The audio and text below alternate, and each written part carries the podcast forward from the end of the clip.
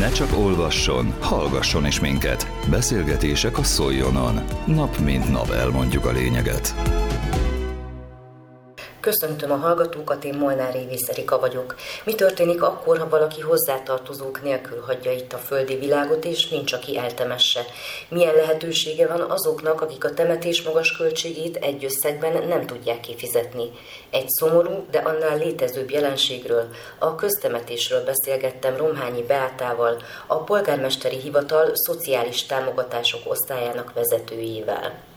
A köztudatban a köztemetés kifejezés néha keveredik a szociális temetéssel. Mi a különbség? Lényeges különbség az, hogy köztemetés létezik, szociális temetés meg még nem. Jó néhány évvel ezelőtt volt egy olyan gondolat, hogy könnyíteni a hozzátartozók költségein. Nyilván, hogy olcsóbb legyen a temetés, mert hogy egyébként nagyon drága, és ezért azt gondolták a jogszabályalkotók, hogyha van benne közreműködés, már ilyen családtagok közreműködése, akkor olcsóbbá tudják ezt tenni. Nyilván olcsóbb is lenne, de még ezt eddig nem léptették hatályba.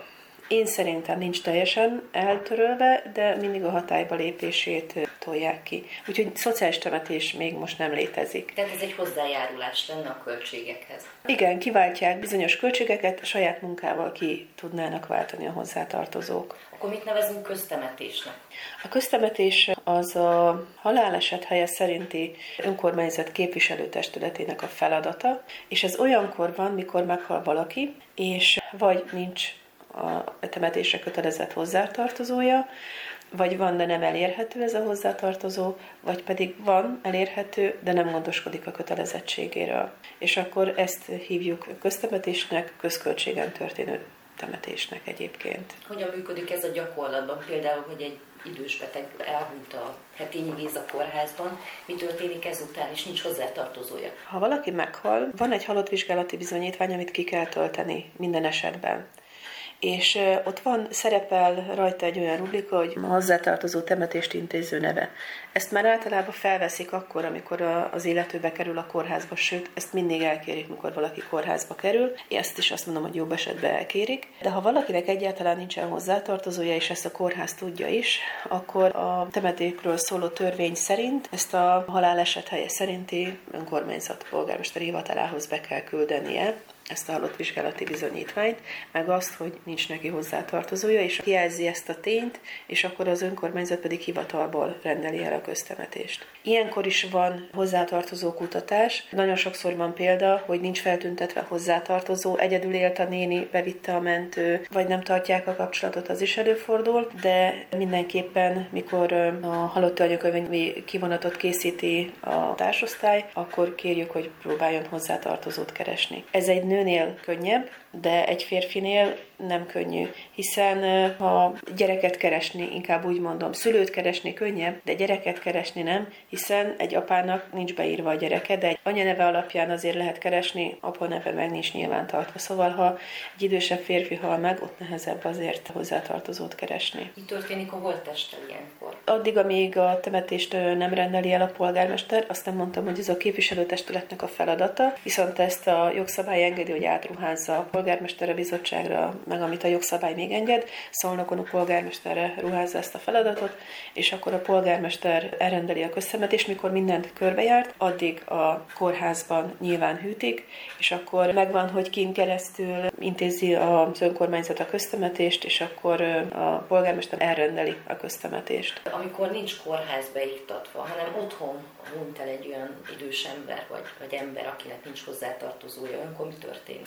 Ezt az orvos szokták eldönteni, és a halott vizsgálati bizonyítványból ez is kiderül, hogy ha bizonyos esetekben kötelező boncolást elrendelni, akkor egyértelműen a kórházba és a patológiára viszik be, van mikor meg nem kötelező elrendelni, a boncolást akkor pedig valamelyik temetkezési vállalkozót kéri nyilván a halott vizsgálatot végző orvos, hogy ezt intézze, és vigye a halottat a megfelelő helyre. A jelzés akkor onnan érkezik. A jelzés mindig érkezik valahonnan, de van olyan eset is, most csak azokról beszéltünk, amikor nincs hozzátartozó, de van olyan eset is, amikor van hozzátartozó, és amikor már a hozzátartozó hamarabb jön, mint a kórház jelzése, hogy nem tudják eltemetni. És akkor van, hogy a hozzátartozó jön, ő jelzi, hogy köztemetés lesz, mert nem tudja eltemetni, és akkor már nyilván mi elébe megyünk, és akkor kérjük a papírokat, hogy minél hamarabb küldjék mert hogy szeretnénk elrendelni a köztemetést, mert hogy nyilván, hogyha minél tovább telik az idő, a hűtési költség miatt egyre több a temetési költség is. Szóval akkor mennyire gyakran fordul ez elő, milyen számban fordul ez elő,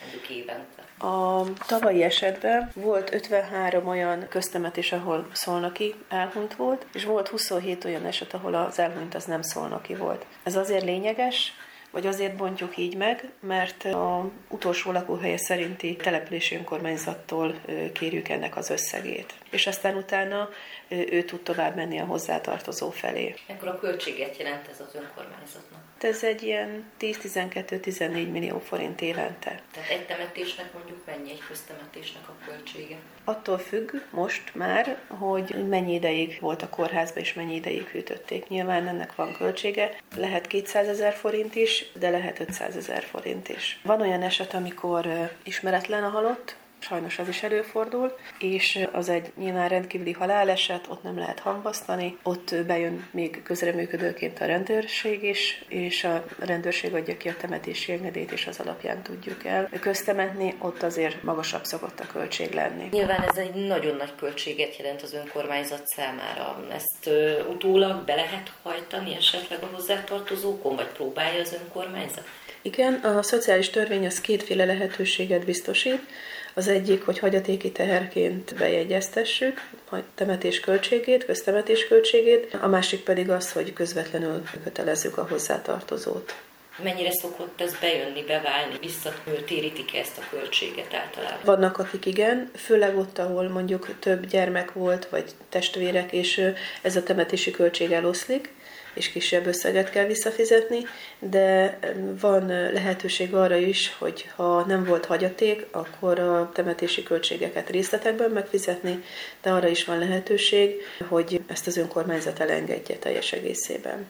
Ez milyen esetekben fordul elő? A rendeletünk két feltételt határoz meg. Az egyik, hogy ne legyen akkora hagyaték, hogy ebből rendezni lehessen a költségeket. A másik pedig az, hogy 200 ezer forint alatt legyen az egyfőre első jövedelme az eltemettetőnek és a családjának. Van-e külön parcellájuk a temetőben ezeknek az elhunytaknak? Alapból a köztemetés az hamvasztásos temetés, és nyilván pont ezért a nagyravatalozó mögött van egy olyan hely, ahová helyezik a hamvakat. Igazából ott a hozzátartozó döntheti el, hogyha ő szeretne oda egy kis névtáblát, akkor oda teszi, ha meg nem szeretné, akkor meg nem teszi. De nyilván nyilván van tartva, és arra is van lehetősége, hogy valamikor a hamvakat esetleg, amikor úgy gondolja, hogy el tudja helyezni, el tudja temetni, akkor elvigye.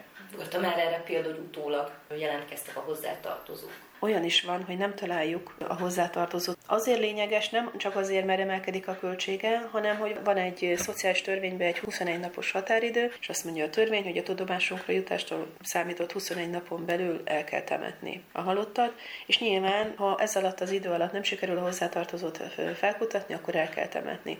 De amikor van egy hagyatéki eljárás, ami egy hosszú eljárás, tudjuk, ott van idő, ott azért van, mikor ott derül ki. Vagy van olyan, most volt olyan, nem olyan régen, az elmúlt egy-két hónapban, hogy három éve halt meg egy bácsi, és most jött a hozzátartozó, hogy ő miért nem tud róla. Szóval ezek olyan nem szép esetek. Jött az unokája és a lánya, hogy mi nem szóltunk, hogy meghalt a nagypapa, de hát ez három éve halt meg. Hát nyilván nem tudtunk szólni, mert ha nem sikerül felkutatni, nem ismerik a szomszédok, nincs a nyilvántartásban, nincsen semmi felelhető olyan dolog, amiből kiderülne, hogy ki a hozzátartozó, az úgy nagyon nehéz. És lelkileg mennyire nehéz itt ezen dolgozni, tehát ezt a folyamatot így végigvinni? Nehéz, három kollega foglalkozik vele, meg nagyon sokszor én is. Amikor kicsit bonyolódik, vagy esetleg a rendőrség bekerül a képbe, pont ezeket az eseteket nehéz, amikor ilyeneket tapasztalunk, hogy a hozzátartozó vagy nem voltak jóban, vagy tényleg annyira nem foglalkoztak, hogy nem is tudják, hogy inkább ezeket nehéz. Az is rossz, amikor, vagy az is nehéz, amikor,